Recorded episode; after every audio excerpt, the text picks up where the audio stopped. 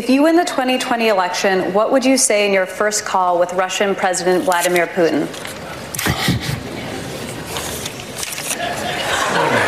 It's morning again in America.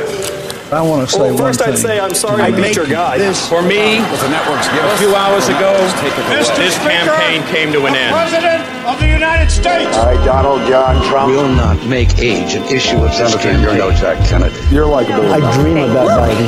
Okay. America great. Hei og velkommen til nok en debattspesial av 2020. Norges største, beste og eneste podkast om amerikansk politikk og veien til Det hvite hus. Mitt navn er Are Tove Platen, jeg er redaktør av amerikanskpolitikk.no. Og med meg så har jeg kommentator Vårin Alme. Hallo, God morgen. God morgen. Klokken er eh, halv seks eh, tidlig torsdag morgen. Eh, vi har begge fått med oss den femte runden med Demokratenes TV-debatt. Det har vært ti kandidater som har stått på scenen i Atlanta, Georgia. Eh, vi skal ta for oss eh, hvem som har gjort det bra, hvem som ikke har gjort det fullt så bra eh, som vanlig. Men først vil vi takke de som støtter oss på patrion.com ampol. Siden forrige debattspesial så har vi fått med oss Johannes, Dag, Andreas, Kari og Birgitte. Det er veldig hyggelig. Eh, og på patrion.com ampol så kan du lese litt mer om hvordan du kan støtte oss med noen få dollar i måneden, mot å da få spesialutgaver av denne podkasten her. Vi spilte blant inn en om riksrettprosessen tidligere denne uken. Eh, Da kan du også få litt merch sendt i posten. Men Våren, vi har jo vært gjennom slike debattspesialer tidlig på morgenen før, og av erfaring så er det lurt å, å få unna det viktigste først, før, vi, før det blir tydelig hvor trøtte vi er. Din overskrift eh, etter denne debatten? Jeg tenker at nå som vi har sett fem debatter, eh, såpass tett oppi hverandre, og, og med ja, litt varierende kandidater, men allikevel mye av de samme kandidatene, eh, så vil det bli Vi trenger ikke alle disse debattene. Det, det er jeg enig med. Jeg, jeg, jeg skrev, snakka litt om det internt og tvitra så om det, at jeg føler jeg har sett denne debatten før, eh, inkludert Bernie Sanders' I wrote damn bill, eh, og flere momenter som vi har vært gjennom eh, tidligere. Min overskrift vil nok gå på at topp fem i nominasjonskampen krystalliserer seg. Det er Biden, Warren, Sanders, Buttigieg og Klobuchar. Eh, som det står om, eh, slik det ser ut nå. Og så har vi en debattscene der eh, noen ikke får plass neste gang, og der et par av kandidatene virkelig gjør sitt ytterste for å vise hvorfor de hører hjemme på denne debattscenen. Så vi kan jo gå rett på. Hvem styrka seg mest, eller hvem hadde den beste debattopptredenen, sånn som du så det? Jeg syns nok at eh, altså toppsjiktet gjorde det eh, så bra som de trenger å gjøre det for å holde seg stabile, og det, det har jo egentlig vært tilfellet også i de tidligere debattene. De topp fire har jo holdt seg stabile eh, lenge, men jeg syns også at uh, særlig tre andre gjorde en veldig solid innsats i natt, eller ja, i natt for oss, da. Og det var altså Amy, Amy Klobuchar. Uh, og så syns jeg også Cory Booker hadde en veldig bra, uh, bra debattopptreden. Eh, og jeg syns Yang gjorde sin beste debatt hittil. Andrew Yang, som får spørsmål om hva han ville sagt til eh, Putin, uh, smiler litt uh, før han kommer med en god onliner. Uh, viser hvorfor han hører hjemme her. Uh, at han har klarer å takle dette debattformatet, selv om det tok en halvtimes tid før han i det hele tatt fikk ordet. Det gjaldt også Tom Steyer og Tulsi Gabbard, noe som sier at de ligger eh, nokså langt bak. Eh, prioriteres ikke av eh, moderatorene på samme måten som, som de andre. Jeg syns også Amy Klobuchar, eh, senatoren fra Minnesota, gjorde det bra. Hun fikk et oppsving etter forrige debattrunde, med bedre målinger og mer pengeinnsamling. Hun kan håpe at det samme skjer nå, at hun kan klatre enda mer i, i Iowa, nå som det virkelig er viktig å, å vise til at man uh, faktisk henger med. Jeg syns også Cory Booker gjorde det bra. Uh, ikke helt sikker på hvorfor han ikke slår an mer enn det han gjør. Han har hatt flere gode debattopptredener. Han er han er solid, han er uh, positiv og, og skarp. Og fokuserer mye på, på fattigdom og på diskriminering og, og ulikhet, og det burde jo være veldig populære saker for demokratene akkurat nå. Skulle tro det, eh, men allikevel så er det et eller annet der som ikke helt eh, fenger, tydeligvis. Men han eh, ga jo i hvert fall eh, Gjorde det han kunne for nå å få ny mulighet da, fra, fra velgerne. Eh, men eh, eh, Pete Buttigieg var jo han som på forhånd de fleste hadde tenkt at det kom til å bli mye rundt. Flere som sikkert satt penger på at han kom til å bli angrepet. Det tok sin tid, men til slutt så kom det noen angrep. Litt sånn fra ingensteds hen, fra Tulsi Gabbard, som han vifta vekk ganske effektivt. og med litt Jeg tror han syntes det var litt gøy å gjøre det også.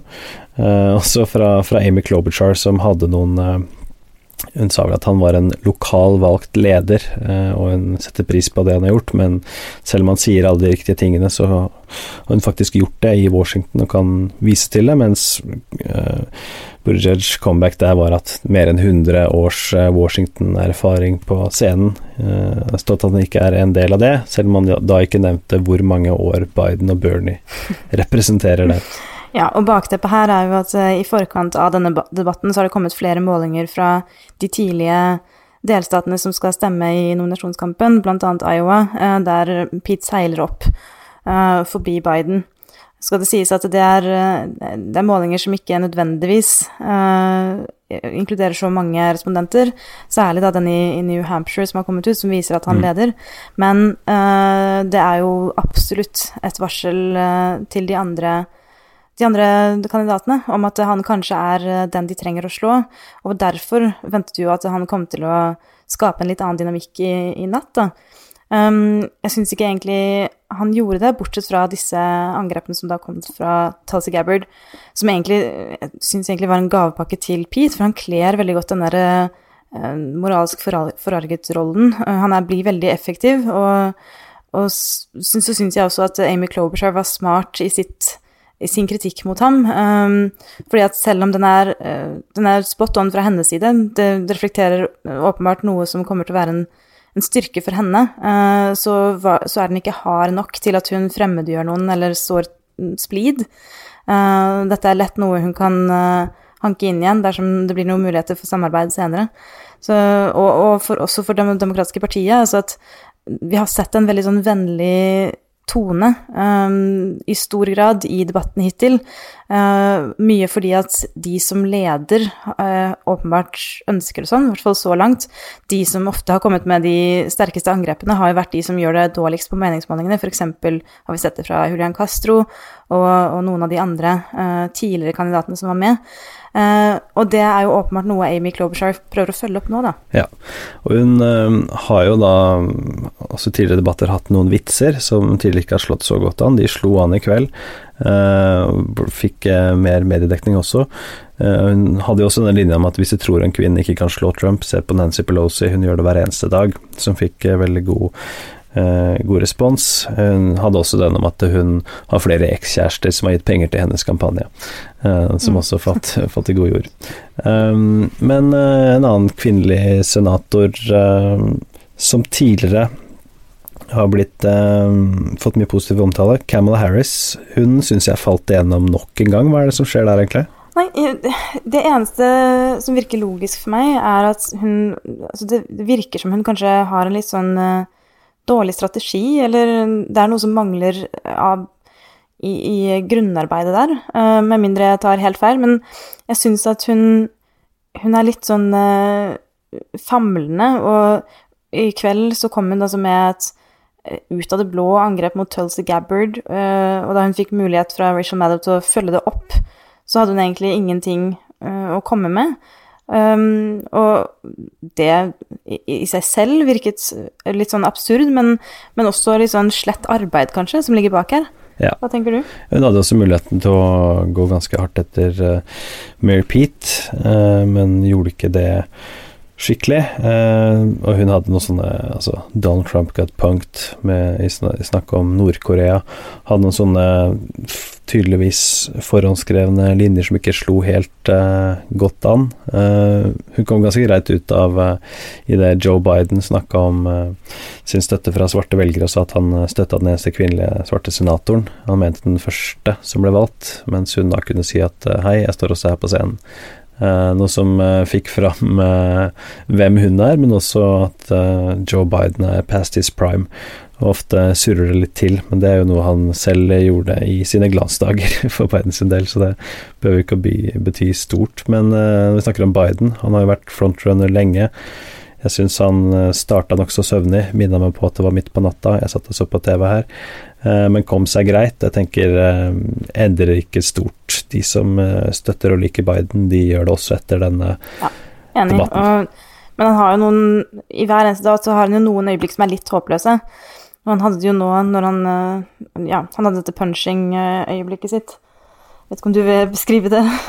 Ida snakker om eh, ja, skal snakke om eh, vold mot kvinner og sier at det er en sak med 'keep punching, punching, punching it' for å bli kvitt, mente han da, men det var jo en litt uheldig ordvalg, ja. kan man si. Uh, men uh, en del andre kandidater her, også på scenen. Tom Steyer sto jo også der. Uh, sammen med Yang og Gabbard så tok det rundt en halvtime før de fikk ordet. han snakka litt om hva han ønsker å utrette på, scenen. Snakka om klimasaken blant annet, men en kandidat som, som, er der uten at det betyr stort for veien videre. Sammen med Gabbard, eh, tenker jeg. Eh, vi var jo innom Cory Booker her. Han er jo ikke kvalifisert engang til neste debattrunde i desember, så er virkelig kampanjen hans balanserer virkelig på en knivsegg her, og håper at, han må jo da håpe at den solide opptreden her endrer noe for hans del. Hvis du skal ta en titt på venstrefløyen i, eh, i partiet, to av kandidatene som sto godt plassert i sentrum på scenen, Bernie Sanders, Elizabeth Warren, Eh, jeg tenker jo kort oppsummert at de gjorde det begge bra, endrer ikke stort. De, de er med og kjemper. Hva tenker mm. du? Ja, uh, jeg også tror at det, dette her gjør ikke så mye forskjell for dem. Um, kanskje litt påfallende at det er såpass lite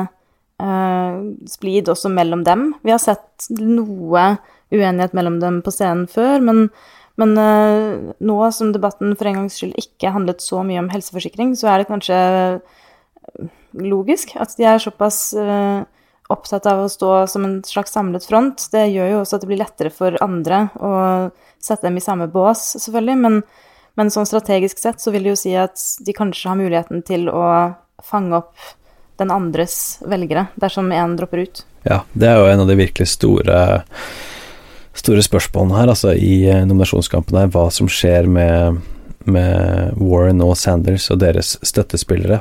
Eh, hvordan den splintringen av eh, demokratiske feltet og, og, støttespillere, da. Altså i Iowa f.eks., der du må ha over 15 for å, for å være tellende. Eh, hva skjer de stedene der uh, Bernie f.eks. kommer like under, eller Warren kommer like under. Uh, hvor tar deres velgere veien? Og Derfor er jo det veldig spennende i Iowa bl.a. å se på, uh, på velgernes andre valg. Uh, du nevnte det tidligere, men altså Pete Buttigieg har jo hatt noen meget solide målinger i, i Iowa i det siste, der han har byksa opp mer enn 10 prosentpoeng siden forrige utgave av diverse målinger, bl.a. den uh, meget uh, myteomspunne Iowa-målingen til, uh, til Ann Seltzer, der han har gjort det veldig skarpt. så der er Mayor Pete i Iowa nå, han er frontrunneren der. Spørsmålet er om det er for tidlig. Uh, han har også gjort det bedre i New Hampshire, mens uh, alle disse målingene vel viser at han har så å si null støtte blant svarte velgere. Uh, noe som da trekkes fram som et, et, stort minus for ham. Grunnen til det er jo ikke at han er en hvit mann, men det er vel at han er en homofil mann. Eller, eller, hva tenker du om grunnen til at det går såpass dårlig blant svarte velgere? Jeg også tenker jo at det nok har mye med Altså at han, han, har vanskelig for å kanskje slå gjennom i sosialkonservative kretser, og at der kan han nettopp gjøre det um, dårligere da, blant noen uh, Særlig noen grupper, både geografisk, men også i noen uh, etniske minoriteter. Um, men, men, så kan det jo også henge sammen med um, Altså Bernie Sanders også gjorde det jo veldig dårlig. Uh, han gjorde det jo best blant hvite ikke sant, i 2016. Nå har kanskje det endret seg litt, men kanskje Pete Buttigieg har litt den samme posisjonen som, eh, som Bernie hadde da, på en måte. Altså at han kommer som et stjerneskudd, eh, men var kanskje ganske ukjent for mange fra mm. før. Men uh, det er sent eller tidlig, eller at, hvordan vi skal, eh, skal si det her. Jeg føler vi har vært gjennom eh, viktige momenter i, eh, i omtalen av denne demokratiske TV-debatten. Vi skal trekke fram en one-liner som syns jeg er Cory Booker, som, som, sa at han trodde visepresident Biden hvordan skal det? was high når han snakka om sitt forbud mot legalisering av marihuana. Eh, det fikk ganske så bra latter. Jeg syns også det er omtalen av svarte velgere, at han har, trenger ikke noen fokusgrupper der. Han har, han har livslang erfaring med svarte velgere, vært en helt siden han var 18.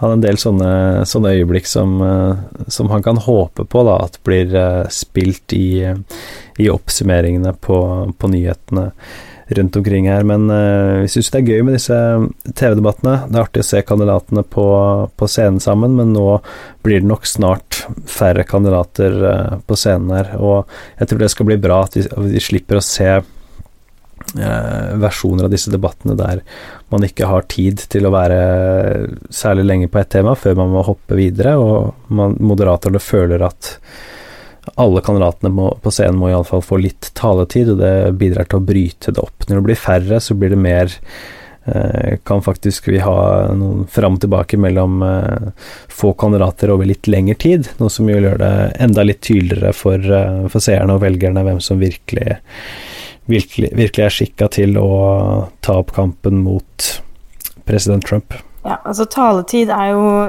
det som preger debatter kanskje mest, og som er mest irriterende. Uh, og det blir bedre når det er færre. Så jeg gleder meg til det. Ja, og en sånn debatt i liksom røykskya som, uh, som omgir denne riksrettshøringen, som vi har snakka om uh, tidligere i en Patrion-spesial, som jeg nevnte, av denne podkasten her, men det er jo virkelig fascinerende å følge det som skjer Capitol Hill eh, om dagen. Eh, det tar jo såpass mye fokus at denne 2020-valgkampen nærmest eh, framstår som en sånn eh, Å oh ja, det skjer også i USA om dagen. Men da har vi denne podkasten her der vi driller litt mer ned i det. Men vi kommer også til å følge det som skjer i de offentlige riksrettshøringene. Det var jo det spørsmålet som starta denne debatten, og der kom det jo fram at alle kandidatene egentlig er på på samme side når det gjelder, gjelder denne saken. Uh, alle mener Trump bør uh, ha gjort ting han ikke burde gjort, og at dette er en, en prosess som demokratene bør forfølge. Ja, men som ja, samtidig ikke ønsker at det skal overskygge absolutt all annen politikk. Det er nok et uh, viktig poeng.